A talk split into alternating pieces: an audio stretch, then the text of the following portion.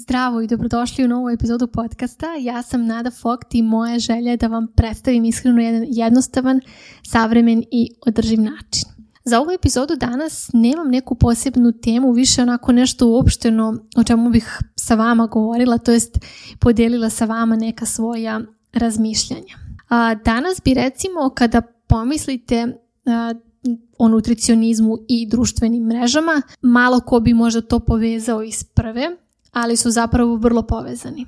Sadržaj koji konzumiramo svakodnevno ima ogroman uticaj na to šta mislimo o sebi kako se ponašamo prema sebi kao i prema drugima, pa samim tim i na to kako jedemo. Da li recimo pratite previše fitness profila, profila o ishrani, nutricionizmu, kakvi su ti profili? Da li ste razmišljali o tome kakve vam poruke šalju? Da budete recimo zdravi, da budete aktivni ili pak da budete savršeni. Na koji način se te osobe koje pratite odnose prema sebi? Da li omalovažavaju sebe ili druge na osnovu toga šta jedu? Recimo ukoliko prikazuju da jedu neku takozvanu nezdravu hranu, da li to komentarišu kao nešto da brljaju, da nisu bili kako treba, da će popraviti nekim drugim obrokom i slično. Dakle, kada želite recimo da promenite vi svoj način života i razmišljanja, selektovanje sadržaja koji pratite je vrlo važan korak, zapravo prvi i osnovni korak. Posebno obratite pažnju na ono što čini da se vi osjećate lošije u svojoj koži. Dakle, umesto da vas motiviše na pravilnu ishranu, na neki zdrav odnos prema sebi, na neku zdravu, normalnu fizičku aktivnost, obratite pažnju kako to zapravo zaista ima uticaj na vas, ti profili recimo koje pratite. Da li su vam inspiracija? Da li je zaista inspiracija to što dobijate na društvenim mrežama? Da li su vam inspiracija savršena tela, savršeno lice, kosa ili je to možda više alat za maltretiranje sebe jer vi niste dovoljno skodni, mršavi, lepi, šta god. Nažalost, razni fitness nalozi kojima je navodno cilj inspiracija su zapravo samo okidači za lošu sliku o sebi i naravno poremećaje u ishrani. A kako mi vidimo sebe? Dakle, posljedica kulture, dijeta i medija koji sve to podržavaju je da često sebe više vidimo kao izgled – umesto onoga šta možemo da uradimo sa svojim telom. Meriti svoju vrednost na osnovu fizičkog izgleda je ne samo suludo, već zapravo i vrlo opasno. Reakcije drugih ljudi takođe imaju uticaja na to. Vraćamo se ponovo na društvene mreže. Kada recimo devojka dobije milion komplimenata iz ispod slike na koje je zgodna i polugola, nije lako zaključiti zašto se onda takva ponašanja nastavljaju i zašto mnoge druge žene žele isto to. Ovo posebno važi recimo za devojčice u pubertetu, ali naravno nisu izuzete ni starije žene. Zašto je to zabrinjavajuće? Šta je loše da delimo lepe slike i hranimo se komplimentima? Kada gledamo površno, nije. Ali, ukoliko se samo malo udubimo, vidjet ćemo sledeće stvari. Za početak, body shaming. Kada postoji jedan kalup, jedan savršen način izgledanja i postojanja, neminovno je da sve ostalo nije dovoljno dobro sve ostalo se ne važi. A kada se osoba osjeća loše povodom sebe i svog izgleda, to negativno utiče naravno na njeno raspoloženje, odnose, povećava rizik za nastanak depresije, anksioznosti i tako dalje. Dakle, daleko je više od samo slike sa puno komplimenata. Zatim uticaj na životna iskustva. Zamislite recimo, leto je, idete na more.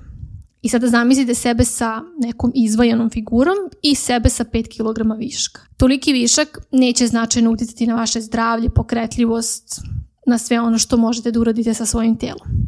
Ali će verovatno uticati na sliku koju imate o sebi i sprečit će vas ili će makar uticati na ta iskustva koja vi proživljavate. Sve što radite može biti prožeto stidom zato što ne izgledate baš kako treba. Zatim gubitak senzitivnosti na signale organizma.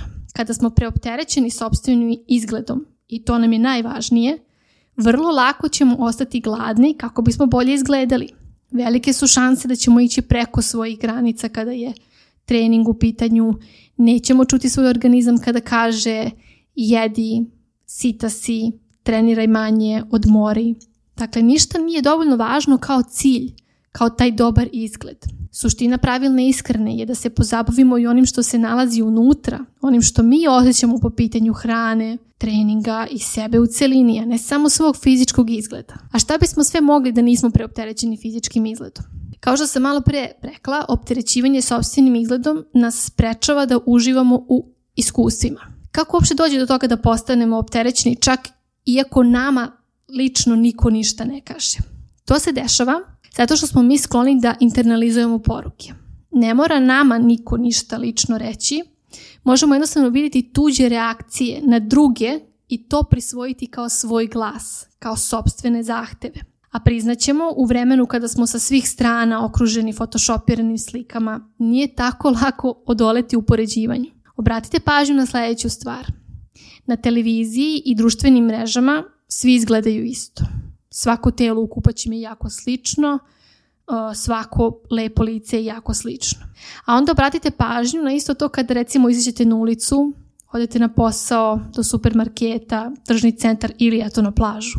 Obratite pažnju na veći broj ljudi i razlike koje među njima uočavate. Prosto je neprirodno da budemo svi isti.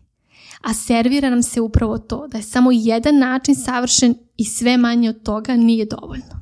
Dva glavna načina na koje postojanje ideale, ideala lepote utiče jesu pod broj jedan upoređivanje sa drugima što neminovno dovodi do loše slike o sebi i pod broj dva internalizacija poruka, dakle prestajemo da shvatamo da drugi zahtevaju od nas kako treba da izgledamo, već mi, mi sami mislimo da je to prirodno naš zahtev. Zato sledeći put kada budete osetili nešto slično, zastanite, zapitajte sebe odakle vam. Da li je zaista vaše ili vam je nametnuto?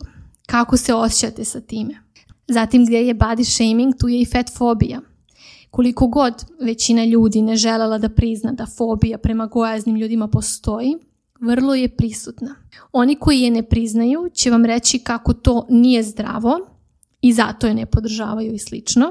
Ali ovdje nije stvar o podržavanju gojaznosti kao gojaznosti, već u prihvatanju činjenice da je neko gojazan i da to ne znači ništa više od toga.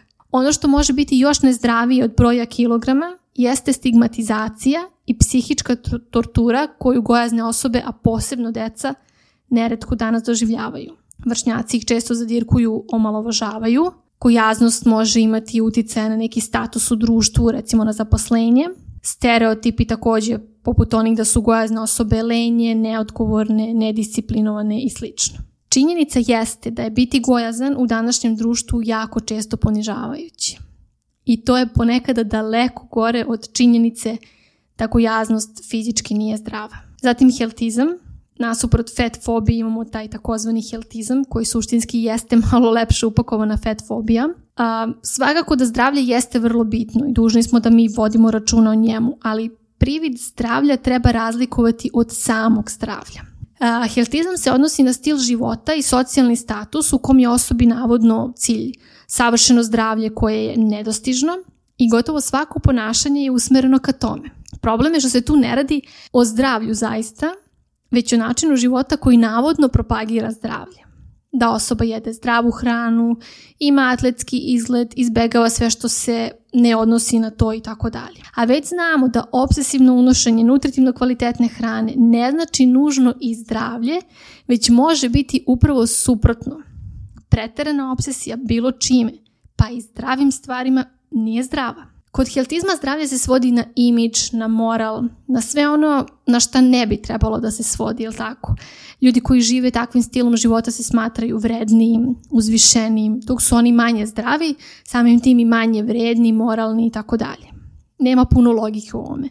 Ali sam sigurna da poznajete neku takvu osobu koja je opterećena zdravljem, a posebno kada je hrana u pitanju. Ukoliko takva osoba čuje da je neki magični napitak savršeno zdrav, sa detoks, probavu, sigurno je da neće propustiti da ga isproba i da bude deo tog famoznog kluba. Ja se svakako slažem da ishrana jeste važna, ali daleko od toga da je jedini faktor koji garantuje zdravlje, baš kao i fizička aktivnost. Neke stvari prosto nisu do nas u potpunosti.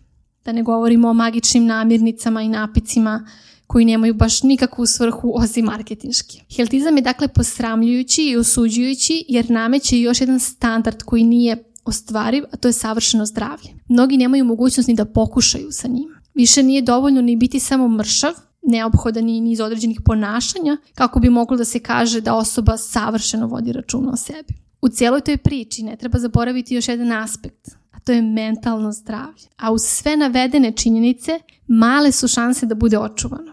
Tako da eto, to je bila moja poruka za ovu epizodu, da ne zaboravite na očuvanje svog mentalnog blagostanja i zdravlja, na očuvanje sebe u celini, dok uporno pokušavate da jurite za tim nekim nedostižnim fizičkim savršenstvom. Hvala vam na pažnji i čujemo se u narednoj epizodi.